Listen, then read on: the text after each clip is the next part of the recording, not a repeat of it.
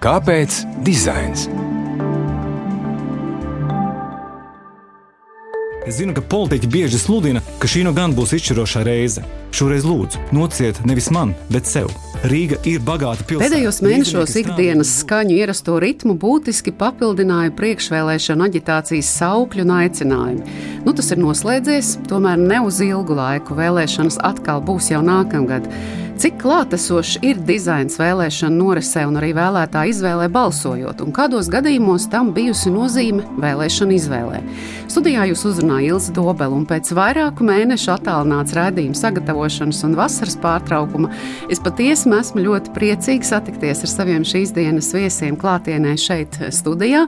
Un šeit eh, šodien ir Centrālās vēlēšana komisijas vadītāja Kristīna Bērziņa, Latvijas Mākslas akadēmijas profesora pasniedzēja un HTV dizainera Ingūna Eller. Bauere un Rīgas Stradiņa Universitātes programmas politika un politiskā komunikācija vadītājs Mārtiņš Dauguls. Sveiki.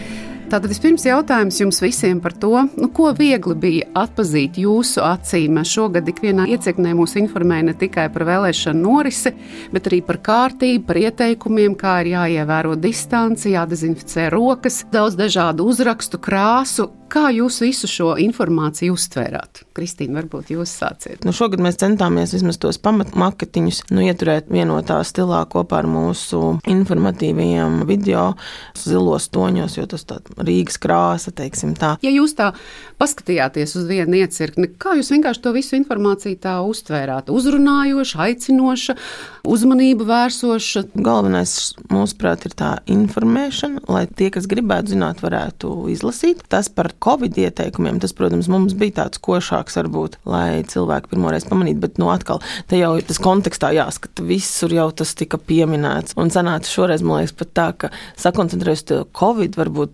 iecirkņu komisijas aizmirst kaut kādas citas pamatlietas, kā mēs visi zinām, nu, tās jau pēc vēlēšanām. Nu, vēl man nav tāda nu, līdz galam tāds atskats eh, noticis, bet kopumā, manuprāt, tas iecirkņu iekārtums nu, bija tas labākais, ko mēs tajā īsajā laikā varējām arī panākt. Jā. Paldies, Ingu! Nu, es varu runāt no lietotāju pozīcijām, kā vēlētājs ejot uz iecirkni pirmās pirms vēlēšanu dienas vakarā par konkrētu iecirkni, un, manuprāt, informācija priekš manī bija par daudz un tāpat laikā par maz. Tā kā divējādi. Jā, neapšaubām šī instruktāža par to, kā jāuzvedās, savā ziņā vizuāli kāvās ar instruktāžu, kas ir jādara, kas principā iztrūka. Bet uh, es arī varu runāt tikai par konkrēto iecirkni, protams. Kaut vai šī informācija par to, ka jādezinficē rokas ir tikai pēc trim metriem, ka pirms tam jau ir uzlikts. Tāpat arī process, kad kas man ir īsti jādara. Vispirms jāuzvelk cimdi, maskā, rokas, tad jāizvelk ID karte. Kad man nav ID karte, uzreiz jāliek atpakaļ somā, bet pēc trim soļiem man viņa prasīs atkal. Tādas nianses, ko es jūtu, ka to var noteikti uzlabot ar tādu vienotu dizaina procesu karti, dodot eh, šim vēlētājam skaidru instruktāžu. Un skaidrs, ka eh, situācija nav jau arī vienkārši katram, kādas ir iespējas, bet vienalga tādu vienotu sistēmu, vienotas vadlīnijas izstrādājot, būtu visiem daudz vienkāršāk, un to var izmantot gadu no gada.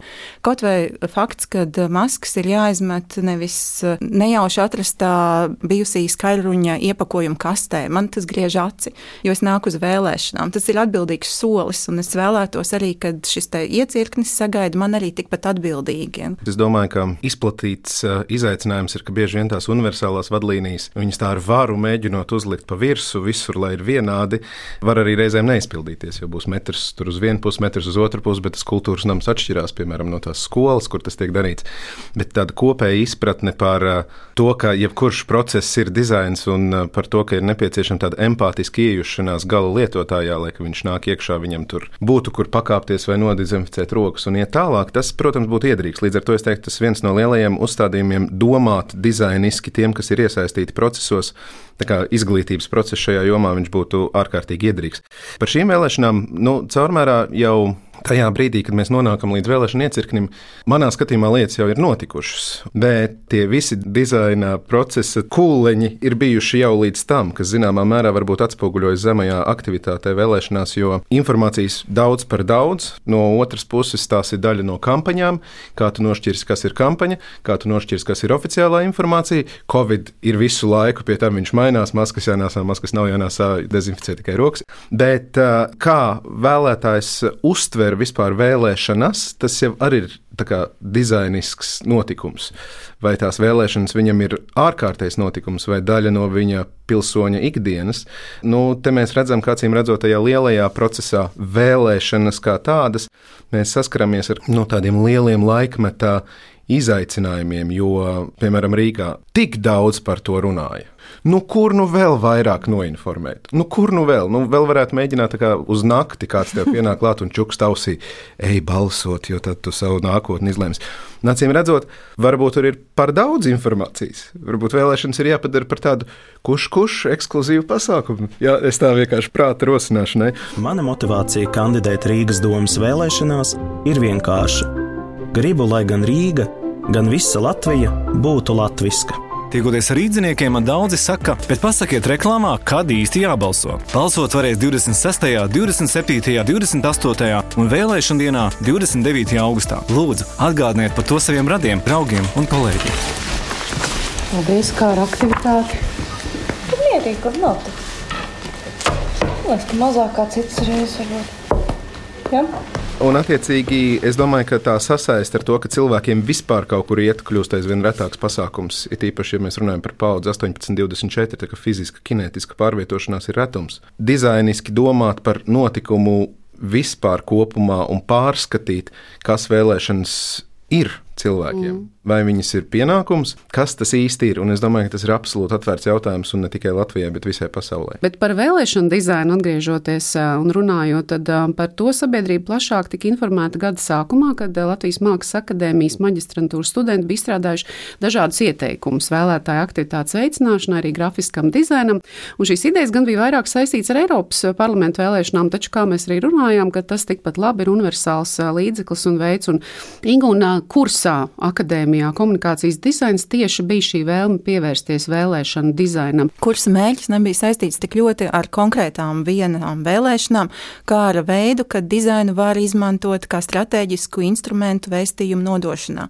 Piemēram, vai mēs e, izmantojot dizainu attiecīgi un atbildīgi varam veicināt vēlētāju aktivitāti un izmantojot šo komunikācijas dizainu nodot skaidru vēstījumu, kāpēc tev ir jāiet vēlēt. Nav svarīgi, par ko vēlēt, bet iesaistīt būt eh, sociāli atbildīgam. Šogad mēs tūlīt sāksim sezonu numur divi, jo uzskatu, ka mums ir vēl ļoti daudz ko darīt. Tas, ko mēs varam atļauties studiju procesā, mēs varam atļauties eksperimentēt, kļūdīties, labot kļūdas, atkal eksperimentēt un piedāvāt savu skatījumu uz šiem procesiem. Tieši dizainu nevis kā dekorēšanas instrumentu, bet dizainu kā strateģisku instrumentu šajā procesā. Es esmu sapratusi, ka vienkārši mums pašiem ir par to jārunā. Ja mēs vēlamies, lai dizains tiktu izmantots nevis lai viņš būtu uzkrītošs, bet lai viņš būtu neuzkrītošs, bet lai viņš būtu īstajā vietā, īstajā brīdī. Un arī sabiedrība jāiepazīstina ar šiem veidiem, kad arī sabiedrība droši vien spēj redzēt atšķirību, vai ne? Tad, kad viņi to piedzīvo pilnīgi jau citādākā izpausmē. Un, Kristīna, jūs bijāt klāt šajā studentu darbu vērtēšanā un arī toreiz atskatā uz to, kā studentiem kopīgi ir veicies. Un pēc tā redzētā, un arī varbūt jau pēc šīm vēlēšanām, vai jūs redzat, ka valsts varētu sadarboties šajā virzienā. Tā šī brīža problēma ir, ka, ja mēs runājam par tādu vienotu dizainu, nu, ko Inga pieminēja, tad um, vēlēšana kārtība Latvijā nav gluži tāda no augšas uz leju. Un tā ir, man liekas, tā problēma, ko mēs varbūt nevienmēr saprotam, jo mēs no tā arī kā centrālā vēlēšana komisija ciešam, jo visur, kur vārds centrālā un vēlēšana, tad domā, ka mēs varam visu ietekmēt, kas saistīts ar vēlēšanām. Bet šīs iecirkņa un iekārtojums ir katras pašvaldības kompetence. Tas nozīmē, ja mēs pat gribētu, piemēram, tagad mēs izstrādājam projektu, kā mēs gribētu redzēt tos ietekmes iekārtotus, tad tas viss nonāk pie pašvaldības. Viņi var teikt, šis mums ir par dārgu, tas mums nepatīk, un kur cilvēki iesaistīti, kur ir tāds vizuālais un dizainiskais, tur katram sava gauma iestājas. Piemēram, arī tas pats vēlēšanu kastes un vēlēšanu kabīnes. It kā liekas, būtu tik labi, ja visos iecirkņos būtu vienādas, bet patiesībā katrā iecirknī varētu būt savā kaste. Nu, tādā ziņā, jo tas arī ir pašvaldības īpašums. Mēs, tad, kad 13. gadā tomēr nolēmām, ka mums vajag mainīt tās kastes, jo viņas tur bija daži dažādas vēl no padomu laikiem, koku un tādas. Tad mums tas bija kā papildu finansējums jāprasa un ļoti jāpārliecina arī finanšu ministriju, nu, kāpēc jums vajadzīgi tie izdevumi. Tā taču nav jūsu īsti kompetence. Un te tas, man liekas, tas problēma cēlonis, kāpēc varbūt to dizainu nevar ieviest tik vienotu. Jā, valsts varētu izstrādāt noteikti vadlīnijas, nu, tā kā Ingūns saka, bet arī Mārtiņš pareizi teica, tā, ka viņi nonāks iecirknī, tur cilvēki strādā, tas nav viņu pastāvīgais darbs, viņi ir atnākuši sabiedriskā kārtā. Ja viņiem nebūs viens tāds mentors, apmācīts, kurš tagad pateiks, nu, šeit tā un tā, viņi saliks to iecirkni tā, kā viņiem pašiem liekas. Mm. Nu, kā tur kā sanāca, tā arī saliks. Jautājums, protams, ka nu, Kristīna nav tagad, kas atrisinās visas problēmas, un, un tai jābūt ir tādai sistemātiskai mm. sadarbībai ja, no augšas. Un tad ir ja, tas lielais jautājums, vai mēs kā valsts varam atļauties slikti dizainētus procesus un pakalpojumus un šādus elementus, jo vēlēšanas tas ir īstenībā tas augstākais pilsoņu solis iesaista demokrātiskā valsts pārvaldē. Un, ja šai brīdī tas ir liels solis, ka ir vienota šīs urnas, bet nu, vienalga man nodarab sirds, kad es iemetu šo biļetenu. Pēc mana prāta tas nav tomēr cienīgs veids, šī urna, kurā es metu iekšā. Tāpat tās arī visi šie pagaidus aizlietņi, jo efektīgi un ekonomiski izstrādājot šo pakalpojumu, tas ilgtermiņā atmaksāsies. Tas atmaksāsies ar to, kā valsts attiecās pret saviem iedzīvotājiem, ar cieņu un sagaida arī to, ka iedzīvotāji līdz ar to no savas puses ar cieņu un apzinīgi pildīs savu iespēju. Mums ir demokrātiska valsts un, un nāks uz vēlēšanām ļoti atbildīgi. Es jā. varbūt, jā, ja varu piebilst, jā, man, man šķiet ārkārtīgi būtiski šie elementi šeit parādās un arī, manuprāt, tāds cerību virziens, jo no vienas puses, protams, ir diezgan grūti un vienmēr viss ir par papildus finansējumu, un viņš vienmēr būs par papildus finansējumu. Es domāju, nekad dizains nebūs centralizētais finansējums kā prioritāte, jo viņš ir pārāk progresīva, intelektuāla, avangarda stila pasākums, kā tam arī ir jābūt, kā tas ir. Un uh, uzņēmumiem tas ir konkurētspējas priekšrocība. Mēs pērkam abolīti, tāpēc, ka viņš izskatās, un es domāju, datoru nevis fizisko, jo viņš vienkārši ir dizainisks. Es tikko nopirku citu, paskatīsimies, Ilzē, jā, abolīts. Es nopirku citu, un, un arī viss ir kārtībā, bet arī dizains spēlē lomu. Viena no manām papildu izglītībām ir antropoloģija, un, un tur ir tik interesanti, ka tās labās lietas aug tā, kā tika minēts no apakšas. Viss, ko tu liec tā masīvi no augšas, tāds brīnišķīgs autors Skots, viņš saka, mūsdienu pilsēta ir drāma, jo viņi uzbūvē mehāniski, un nekas nav cilvēkam. Tu jau uz pastu jāiet ir kilometriem, un tu nogurst. Īsta pilsēta ir augusi no apakšas, staciņas ir pārvērtušās par ielām. Un šeit jau arī, teiksim, es domāju, ka mums ir pašvaldības, kas būtu gatavas mm. savu skaistumu un viedumu arī tajā vēlēšana iecirknī ielikt iekšā, parādot, ka viņas tādas ir. Nu, man prātā nāk dažas pašvaldības, kas sākās uz C un beidzās ar ēsīs, bet jebkurā gadījumā es redzētu, ka tas ir tāds process, kas aug ar pieredzes pārnesi. Vienā ir ļoti labas sajūtas, nu diezgan loģiski, ka cita pašvaldība to pārņems, ja viņi varēs to izmantot arī kā savu priekšrocību. Līdz ar to es teiktu, ja to iedēst kā tādu sēkliņu, kas aug atsevišķās vietās, tad pēc tam pastāv iespēja, ka tas dārsts arī sakuplo. Man liekas, ļoti labs priekšlikums ar šiem labajiem piemēriem un prototipiem un prototipu testēšanu dot vienkārši iespēju izvērtēt un pierādīt. Jo skaidrs, ka viss prasa pierādījumus konkrēts, ko tad šis dizains var dot. Un šī gadījumā mēs runājam par dizaina funkcionālo dabu, nevis estētisko mm. dabu. Nu, lūk, nākamajā gadā ir pašvaldību vēlēšanas. Kāda pašvaldība šobrīd šo klausoties, pilnīgi noteikti var sākt domāt, kādā veidā varbūt tiešām mēģināt padarīt šo procesu mazliet citādāku. Bet klausītājiem es vienkārši gribu gribu darīt zināmu to, ka studentu darbi, par kuriem mēs šeit runājam, bija vērsti gan uz grafikas dizaina risinājumiem, gan arī uz vēlēšanu procesa iespējamiem uzlabojumiem, un tos arī varēs vizuāli paskatīties lsm.lv mājaslapā, bet šeit uzreiz gribu teikt, ka, piemēram, risinot vēlēšanu valodu, studenti piedāvāja vārdu dokuments vietā, piemēram, lietot ielūgumu uz vēlēšanām vai vēlēšanu zīmes instrukciju aizstājot ar vadlīnijas.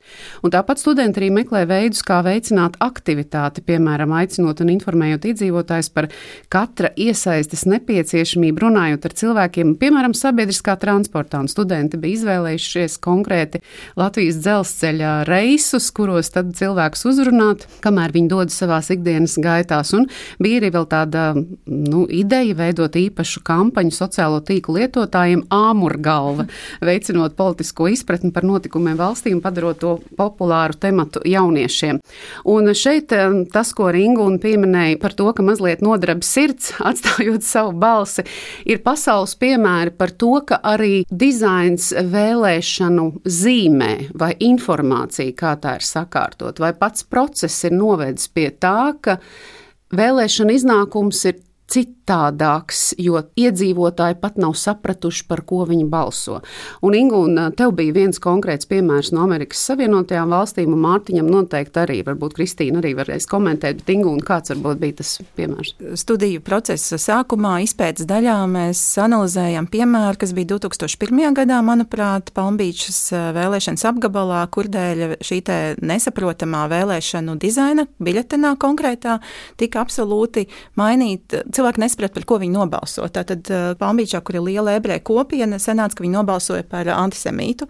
Un tas arī bija it kā vēloties nākt pretim eh, vēlētājiem, palielinot burtus, izmēru gados vecākiem, lai būtu saprotami, bet rezultātā tika absolūti šī informācija padarīta nesaprotama. Tas bija liels skandāls. Un pēc tā arī radās kustība dizains demokrātijai, kurā tiek piedāvāti principi, vadlīnijas tādam labam vēlēšanu dizaina grafikai, ar desmit punktiem un, un vēl apakšpunktiem.